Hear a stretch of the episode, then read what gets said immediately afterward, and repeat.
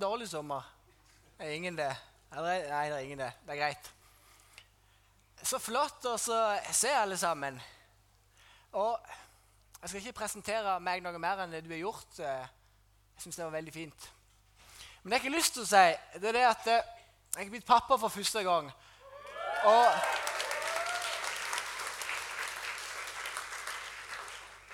Og det er på en måte mye større enn en kan forestille seg.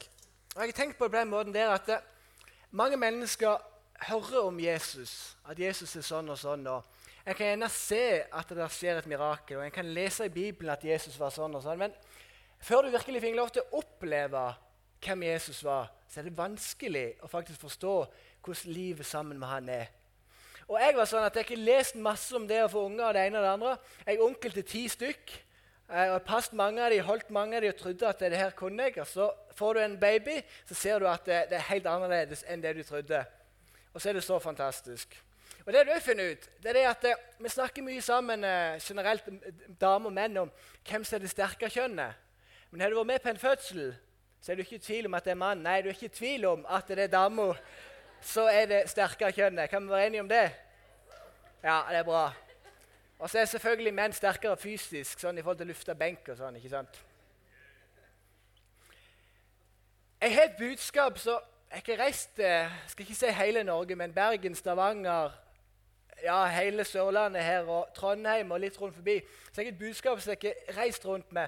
Og jeg har vært inne på det en del ganger i menigheten her òg, men ikke akkurat den talen som jeg har nå, men bruddstykker av det som jeg skal dele. Og En av mine mentorer sa til meg det at det er veldig viktig som pastor at det er noen ting som du gjentar hele veien for menigheten. Sånn at menigheten vet hva som er viktig. Og de som kjenner meg, vet jo at eh, så Eirik sa at eh, det er viktig å være inkluderende. ikke sant? Det er noe jeg setter veldig pris på. At folk skal føle seg velkommen, og at jeg òg skal føle meg velkommen der jeg er. Og så er det så viktig for meg at andre mennesker får lov til å se og oppleve hvem Jesus er. Og Mange ganger tenker jeg på det at har vi glemt å vise Jesus til andre mennesker? Har vi glemt å være stolt over å få lov til å kjenne Jesus? Og Jeg tenkte på det i går når meg og min kone var på Sørlandssenteret. Så begynte Olivia, som heter, å grine. Så var, var vi inne på XXL. Så tok jeg henne opp, og så holdt jeg henne. Og når jeg holdt henne og gikk med, med henne i butikken, så skal jeg ærlig si det at jeg håpte at alle sammen som jeg traff på, skulle se den jenta der. ikke sant? For jeg er så utrolig stolt over henne. Og da tenker jeg samme tanke. At Min drøm er jo at vi som tror på Jesus, at det skal være sånn for oss at vi drømmer om at vi er så stolte av å kjenne Jesus at vi mest ikke klarer oss å tie stille om det fordi at vi er så stolte. Og Jeg tenkte også på det at jeg hadde en vielse for eh, ti dager siden på Jæren. Vi er en god kamerat av meg. Og når han sitter der og så venter og det var veldig lang kirke. Jeg har aldri sett det så lang kirke noen gang. For Normalt sett så må du be brudeparet om å gå rolig ikke sant, inn, og pappaen med ryggen oppe. Men her så var det sikkert 100 meter å gå, så du kunne bare be dem om å gå så fort du vil. Og det gikk ganske fort òg. Og i det øyeblikket døra går opp, og du ser på brudgommen som sitter der framme, så vet jeg, og det vet du òg, at han er den stolteste personen i hele rommet der. Det er ingen tvil om det. Og Han tenker med seg sjøl at den dama som kommer gående opp der, hun vil jeg at alle sammen skal se, fordi hun er mi. Og hun har aldri vært vakrere enn hun er den dagen der. Iallfall til da i livet. så blir det bare vakrere og vakrere. Ingen er vakrere enn etter en fødsel. ikke sant? Men så tenker du det, at det er ingen som er så flotte som den jenta der. Og Da tenker jeg igjen at sånn er det jo med Jesus, og sånn må det være med Jesus. At vi er så smitta av han i vårt liv. At vi er så stolte over å få lov til å kjenne han, få lov til å tjene han, få lov til å være hans disipler. At vi bare vil vise alle mennesker hvor nydelig han er. Er dere enige? Og det er ingenting som bedre enn Si at når du er og handler på butikken en dag, at du er på Ekspert og du skal kjøpe ny TV, så er det jo ingenting som bedre enn at selgeren er opptatt av det han skal selge. ikke sant? At han virkelig kan TV, og han vet hvordan de funker, det ene og det andre, og han gir deg den beste servicen som du kan få. Og jeg tenker at Vi skal ikke selge Jesus, det er ikke det vi skal gjøre. Men jeg tenker at la oss prøve med Guds nåde å være best mulig ambassadører for Han der som er, der som vi vandrer. For at Jesus han er verdt all ære i himmelen og på jord. Og det er ingen som kan måle seg med han. Og det er ingen som er mer trofast enn det som Jesus er. Jeg har lyst til å lese to bibelvers innledningsvis her. Apostelens gjerninger 1,8. men dere skal få kraft når Den hellige ånd kommer over dere. Og dere skal være mine vitner i Jerusalem og hele Judea, i Samaria og helt til jordens ende. Så kan vi lese misjonsbefalingen Matteus 28, vers 18-20. Da trådte Jesus fram og talte til dem. Jeg har fått all makt i himmelen og på jorden. Gå derfor og gjør alle folkeslag til disipler. Døp dem til Faderens, Sønnens og Den hellige ånds navn, og lær dem å holde alt det jeg har befalt dere. Og se, jeg er med dere alle dager inntil verdens ende.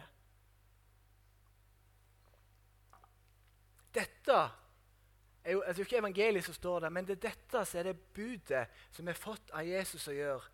At vi skal vandre rundt, vi skal gjøre disipler, vi skal vise andre mennesker hvem Jesus er. Og så har Jesus lovt at når vi gjør det, så er han med oss alle dager. Så er det han som skal skinne gjennom oss. Det er ikke Jonny som skal skinne noen ganger, men det er Jesus som skal skinne gjennom Jonny. Og jeg tenker at Sånn er det i ditt liv. At det er Jesus som skal skinne gjennom livet ditt. Og jeg kan merke det, at Hvis vi bare våger å be den enkle bønnen hver morgen, så tar to sekunder Jesus, led meg i dag. Hvis vi våger å be den enkle bønnen, så vil vi merke det at Jesus han vil lede dere. Han vil lede dere til mennesker. Og vi vil merke det at det er ikke noe kav, det er ikke noe jag for å vise godhet. Men vi, vi kan merke det at det kommer naturlig fordi at Jesus er med oss. Og Når vi vandrer tett på Han, så vil andre mennesker virkelig merke at vi er smitta av Jesus. Jeg tror det er sånn. Og Jeg pleier å si det når jeg vier folk. det er sånn et sitat som jeg bruker, så sier jeg det at det, i talen min i kirka at hvis gresset er grønnere på andre sida av gjerdet, da er det på tide å vanne sin egen hage. Pleier å bruke. Og jeg tenker det er litt sånn at i vandringen vår sammen med Jesus kjenner vi det. Og det gjør vi av og til. Det gjør jeg òg.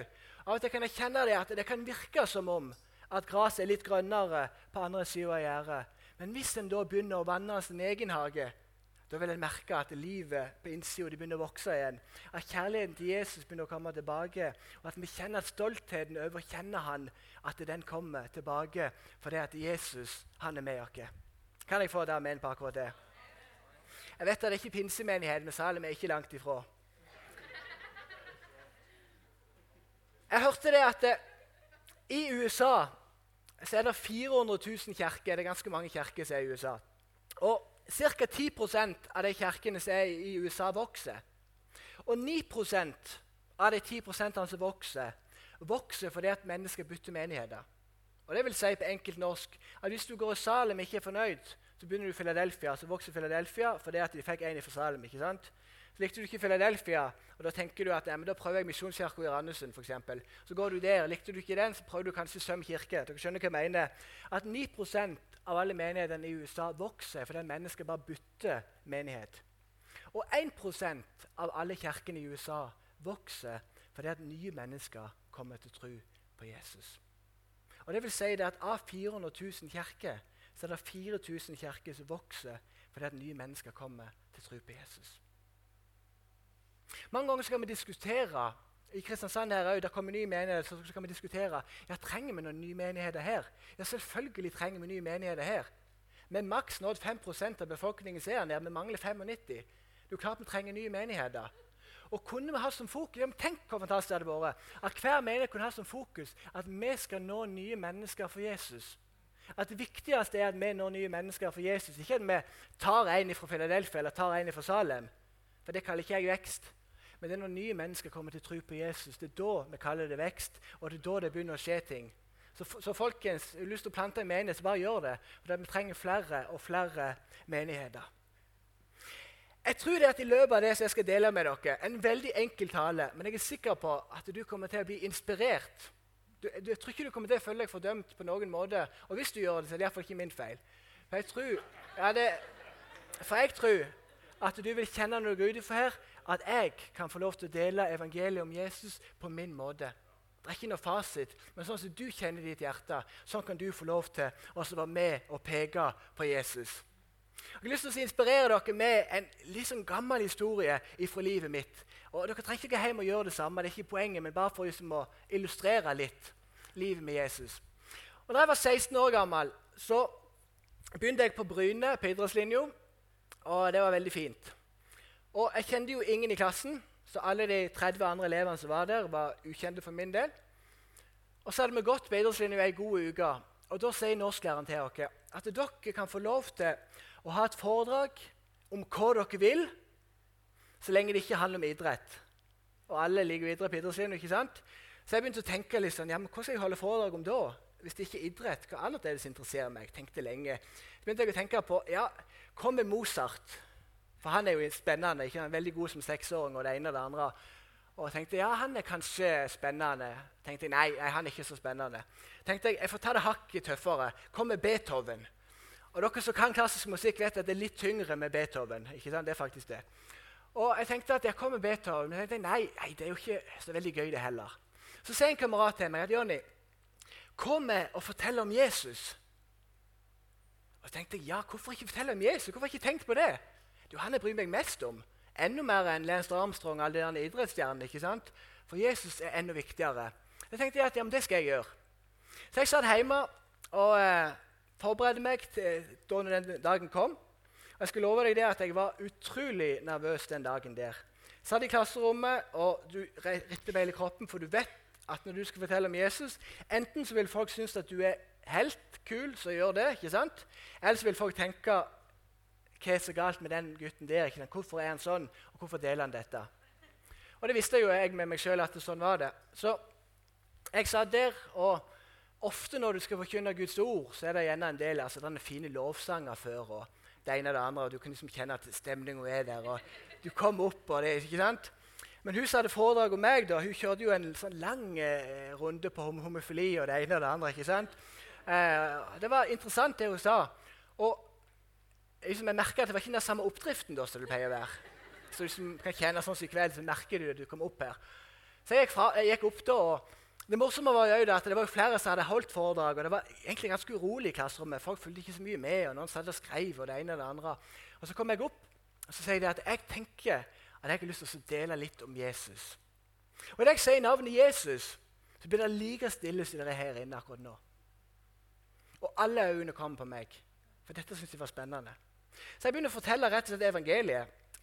At Jesus elsker deg akkurat sånn som du er. Han døde på korset for deg, og han tok på deg all din synd og skam og det ene og det andre. og Uansett hva du gjorde, så kan du få lov til å komme til Jesus, og han elsker deg, og det ene og det andre og det tredje. Kjørte på med det, og alle fulgte jo med og syntes dette var ganske spennende. Så var jeg ferdig da, og når jeg var ferdig, så var det faktisk tid til å få en til til å ha et foredrag. Men da var norsklæreren så satt ut. Han var, altså, du skulle si ansiktsuttrykket. Det var ikke negativt, han var bare satt ut. Så han sier bare det at du, jeg tror vi tar en tidlig pause nå. Og da når den pausen ble tatt, så visste jo jeg at nå kommer jo sannhetens time. Enten så vil folk tenke at, eh, at, dette var spennende, eller så vil folk tenke at nei, han der vil jeg ikke ha noe med å gjøre. Men det som var så fantastisk, det var det at ryktene, allerede fra den timen så begynte ryktene å gå om Jonny, og meg. da, som kjente Jesus, og som brant for Jesus, og som var stolt over å kjenne Jesus. og Det var ingen som syntes dette var teit eller kleint eller motstand på noen måte. og Det var veldig spesielt. Men det var sånn i løpet av de tre årene på idrettslinja. Når folk sleit og hadde det vanskelig, da kom de til meg. Så sier de men du Jonny, du tror jo på Jesus. Kan ikke, kan ikke du be en bønn for meg? eller kan ikke jeg få en samtale med deg? Og Så fikk jeg lov til å på en måte være pastor og fikk lov til å være prest for de menneskene da som ikke hadde en menighet. Og det syns jeg var helt fantastisk at, at, jeg kunne få lov til. Og det, og det er jo til sånn at det, Nå er det gått et par år, for nå er de fleste utdanna. Men det var sånn at når mange av de skulle ha eksamen eller leverer masteroppgave, en eller andre, så sender de melding til meg. Det er ikke mennesker som bekjenner at de tror på Jesus, men de sender melding til meg og sier Jonny, kan ikke du være med og be for meg? Så ja, selvfølgelig kan jeg det. Og Så ba jeg i bønn for dem. Så fikk jeg tilbake melding tre uker senere når sensuren hadde vært, der de kunne skrive at 'Amen, jeg sto', eller noe sånt. Og så takka de Jesus for det. ikke sant? Og Det er jo helt nydelig. Og nå er det jo sånn at Flere de vet jo at jeg er pastor, så nå har jeg begynt å få lov til å vie flere av dem. Og det syns jeg òg er ganske gøy. At jeg kan få lov til å være med og peke på Jesus der som jeg er. Og hvorfor sier jeg dette? Jo, for å være med og inspirere deg. Ikke for at du skal gjøre det samme på noen måte, for det ønsker jeg ikke at du skal gjøre. Men vis Jesus til andre mennesker sånn som han har kalt deg til å gjøre det. Ikke kopier meg, ikke kopier Eirik, altså, ikke kopier Jan Terje som sier det, men gjør det sånn som han har sagt at du skal gjøre. For det er det beste du kan gjøre i forhold til å fortelle han. Det var jo sånn at, eh, Jeg skal ta en historie til før jeg går videre. At Siste året på videregående skole så satt jeg hjemme en kveld og ba. Jeg, vet ikke om jeg ba heller. Jeg bare satt og hørte på musikk. og Så kom det en tanke ned i meg. Og Jeg vet at den tanken var ikke meg. Og da er det tanken som sier til meg at Jonny, du skal skrive en personlig hilsen til alle 90 elevene som du går sammen med på idrettslinja i, i, et Nytestament. Og så skal du også skrive en personlig hilsen til alle 15-20 lærerne som du har hatt i løpet av dine tre år på idrettslinja. Jeg tenkte at ja, det kan jeg gjøre. Og Jeg kan ikke fortelle den historien nå, men jeg, jeg hadde jo da 600 Nytestament liggende hjemme. Men det er en annen historie. Så jeg hadde, så hadde Nytestamentene liggende.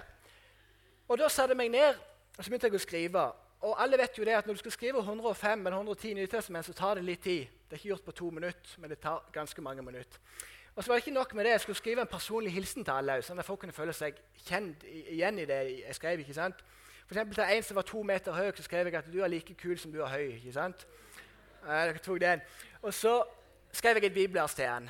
Jeg husker ikke hva det var. Så finner du også det at Når du skal skrive bibelvers til 105 stykk, du kan ikke bare ta de samme tre som man bruker hver gang. For så etter Gud elsket verden, og så først Guds hans rettferdighet og noe annet. ikke sant? Eh, så jeg måtte jo finne masse forskjellige vers. Jeg skrev alle de.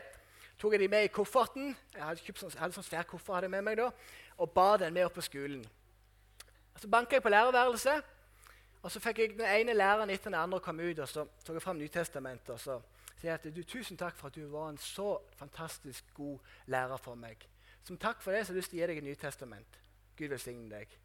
Og Noen av lærerne syntes dette var kjempegøy, og, og andre syntes ikke det var gøy i det hele tatt. Det er fakta. Men de fleste syntes det var gøy. Og Så gjorde jeg det samme da når vi skulle ha avslutning med elevene. Alle 90 elevene på kullet da, så tok jeg med meg kofferten min hadde delt inn i, i A- og B- og C-klassen. Og så begynte jeg å dele ut. Og Så var det ei, ei jente da, eh, som sa at jeg, jeg, vil ikke ta imot den der, det Nytestamentet. Jeg vil ikke ha det på noen måte, så bare behold det, du. Og Da begynte de andre da, å klage på at hun ikke ville ta imot en gave for meg. Så vi måtte bare ta imot Nytestamentet allikevel. Og det er artig.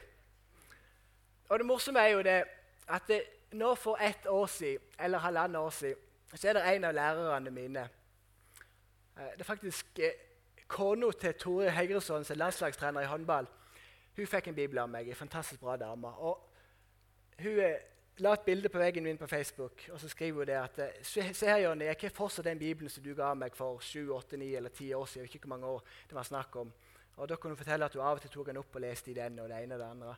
Og det syns jeg er fantastisk å tenke på. At en sånn en, egentlig ganske enkel tanke. Det krevde mye av meg, ja, jeg skal være ærlig på det.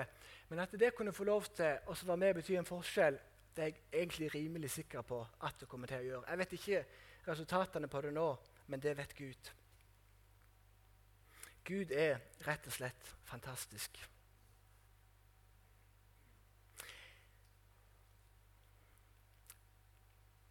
Jeg hørte om ei cellegruppe. Jeg skal, ta litt den andre sida av de greiene. Jeg hørte om, om en cellegruppe som ble enige om at de skulle be for en person, og det er veldig bra. Så skulle de be om at den personen skulle bli frelst og begynne å gå i denne cellegruppa. Så begynner de å be til Gud for vedkommende om at vedkommende skal ta imot Jesus. Og det skal vi gjøre. Kjempeviktig. Og til slutt da, så tar jo vedkommende imot Jesus. Helt fantastisk. Begynner å gå i denne cellegruppa. Og etter en måned eller to så sitter gjengen der samla. Og denne nye personen som tok imot Jesus, sitter òg der. Og så sier lederen av gruppa, tror jeg, eller en av lederne i gruppa sier det at du, nå er det kanskje på tide at vi finner et nytt prosjekt. Og tenk deg at du just hadde tatt imot Jesus, og du sitter i denne gruppa her, og så hører du at du på en måte er blitt nevnt som et ord 'prosjekt'. At det at du tok imot Jesus, det var på en måte bare et prosjekt. det var noe vi bare gjorde på en måte. Da hadde iallfall jeg tenkt at det er ikke det det handler om. på noen måte. Og la det aldri bli sånn i livet vårt at mennesker er prosjekter. For det, det, er aldri prosjekter på noen måte. Men alle mennesker er unike på sin måte. Og du kan få lov til å bety en forskjell inn i andre mennesker sitt liv på den måten som Gud har kalt deg til å gjøre det på. For Det handler ikke om, eh, om at vi er et mål om å nå, eller om at tid skal ta imot Jesus. Det er bra med mål, det er ikke det jeg sier. Men det er alltid hjerte til hjerte som må snakke. Mennesker må merke at vi bryr oss om dem, at vi elsker dem, og det ene og det andre. Er dere klar over det at det står i Johannes kapittel 16, vers 9 så står det, det at synden er at de ikke tror på meg. Den eneste synden en person som ikke tror på Jesus, har, er at han ikke tror på Jesus. Det hjelper ikke å komme med moralpreken at du burde gjort sånn og sånn og sånn og sånn og det ene og det andre. Kan bare glemme det. For den eneste forskjellen er Jesus. Så enkelt er det bare. Jeg kan ikke skryte på noen måte, for det er bare Jesus som har redda livet mitt. Og ingen, og ingen, andre som har gjort det. Og Vi merker jo sjøl det, at vi kommer til kort så mange ganger. Men dessverre så prøver vi så mange ganger å holde oppe den der fine, kristne, gode fasaden ikke sant, med at vi lykkes, at livet er så fint. Og så våger vi ikke å være ærlige med at livet av og til er utfordrende. Så våger vi ikke å være ærlige på at alt ikke bare er fantastisk. Og Der kan vi igjen dra det bildet med å bli pappa, hvor nydelig det er. Og For det meste så er det fantastisk, men av og til så er det utfordrende. For Når babyen er grene, eller Olive grener en halvtime eller en time, så kan du kjenne at du kan bli litt lei. Ikke sant? Og da tenker jeg at det, det er lov å være åpen og ærlig om ting. Det er lov å være åpen med at vi ikke fikser alt i livet. Og Jeg skal komme litt mer inn på det i det som kommer nå. Det står i 2. Timoteus 2,4.: Han som vil at alle mennesker skal bli frelst og lære sannheten å kjenne. Det er Gud som ønsker det. Så står det i Johannes 14, kapittel 6, nei, vers 6. Jesus sier, 'Jeg er veien, sannheten og livet. Ingen kommer til Far uten ved meg.' Det er ikke Jonny som er veien, sannheten og livet på noen måte, men det er bare Jesus som er veien, sannheten og livet. Og jeg har lyst til å gi dere to tips med på veien i forhold til det å dele Jesus med andre mennesker. Og Det er så enkelt at det nesten blir vanskelig. Men jeg tror jo det at det er det enkle, gode evangeliet som er med å skape forandring. Jo enklere vi kan gjøre ting, jo bedre tror jeg det. Og Punkt nummer én er rett og slett at uh, vær deg sjøl. Ikke vær meg. Ikke vær naboen din, men vær den som Gud har kalt deg til å være. Vær det. Problemet vårt er ikke metoder. Problemet er ikke at du ikke fikser det, men problemet er at du ikke våger å være deg sjøl. Fordi at du hørte om at evangelisering skal være sånn og sånn og sånn. og sånn. Jeg har sagt det før i salen, at Mange tenker jo det. At, at jeg spør andre mennesker ja, men når du hører ordet evangelisering og det deler om Jesus, hva tenker du da? Jo, da tenker de at det er å stå på markens og fortelle om Jesus der ute ikke sant? og be for syke. Og det er fantastisk, og vi har en nydelig gjeng i menigheten som gjør det. Og fortsett med det. Gud velsigne dere for det. Og så er det ikke bare det evangelisering er, men evangelisering er så mye mer enn det. Så hvis du er inne og kjenner det at det er ikke min måte å gjøre ting på, ikke gjør det, da. Gjør det på en annen måte. Og Jeg var i, i USA for noen år siden. og Da var jeg med på en bibelskole. En fantastisk bibelskole. Og da var det sånn at Vi skulle gå rundt noen dager så skulle vi banke på dørene så skulle vi fortelle om Jesus der. Vi hadde, vi hadde fått ut traktater og det ene og det andre. ikke sant? Og Du skulle lese dette og kunne dette, dette utenat. Det var i hvert fall målet. Og Jeg husker at jeg var med to eller tre stykk. Vi banka på dørene, og det kom ut noen. nå. og de kom ut imot deg, og du ser dem nesten ikke i øynene engang. Men du er rett ned i traktatet. Så jeg jo på de som sto der. At hvis du døde i dag, hadde du med sikkerhet visst at du hadde kommet til himmelen, eller hadde du kanskje kommet til Hva som står der? Ja, fortapelse. Ikke sant? Og så bare merker du at det her er jo helt på jordet. Og jeg kunne bare merke at de som kom ut i døra, tenkte at i alle dager Hva gjør de folkene her? Og det var faktisk så gale at jeg kunne se på noen at de velger å ta imot Jesus. Det er jo helt absurd. Men de velger å ta imot Jesus bare sånn at vi skulle komme oss lengst mulig vekk. Vekk med dere. Så kunne vi notere ned på lappen 'én frelst'. ikke sant? Kunne vi levere det inn, så kunne det komme ut på nettet at nå var det sju stykker som hadde tatt imot Jesus. Og etter, vi hadde vært på noen hus, så, så var det min tur. Da var det jeg som skulle fram og gjøre de greiene. her. Jeg skal love dere at jeg var så vanvittig nervøs. Og òg mye pga. språket, for jeg var ikke så god i engelsk. ikke sant? Så skulle jeg få fram her greiene her. var ganske bundet manus. Og så banker jeg på døra, og så ber jeg følgende bønn til Jesus. Jeg sier det at kjære Jesus, la det ikke være noen mennesker hjemme i dette huset.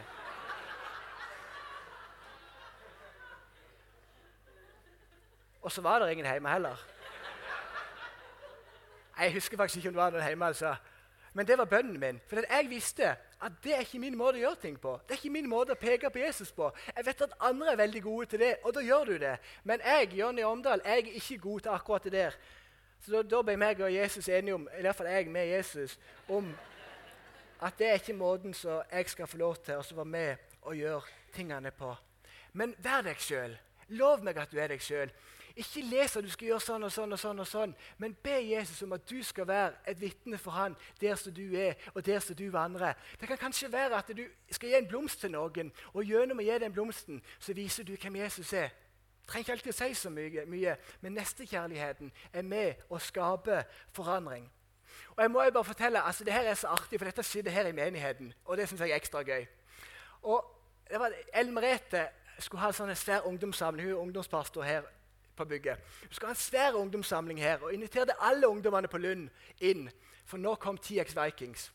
Og bare for å si det, TX Vikings er fantastisk. så Det er ingen måte noe negativt imot dem. Jeg skal bare illustrere et eksempel med dem. De kom jo her. De er jo ganske svære. dere vet jo det. Lufter gjerne 200 kg i benk og 700 kg i knebøy. ikke sant? Altså Det er litt av noen folk. Og Her sitter det to, mellom 200 og 300 unge folk, 13-14-15-åringer, som aldri har vært innenfor husets fire vegger. Og så Før deg at de sitter der, så kommer det opp en kar fra TX Vikings. Nydelige folk. Og så ber han følgende bønn. Så får dere musklene òg, ikke sant? Kjære Jesus, jeg ber deg om at blodet skal flyte på møtet i kveld. Amen. Se for deg at du er 14 år gammel, du har aldri vært i kirka før. Og du ser på denne mannen her som er ganske svær. Og så tenker du ja, men hva blod er det som skal flyte på møtet i kveld? Er det, er det, mitt blod?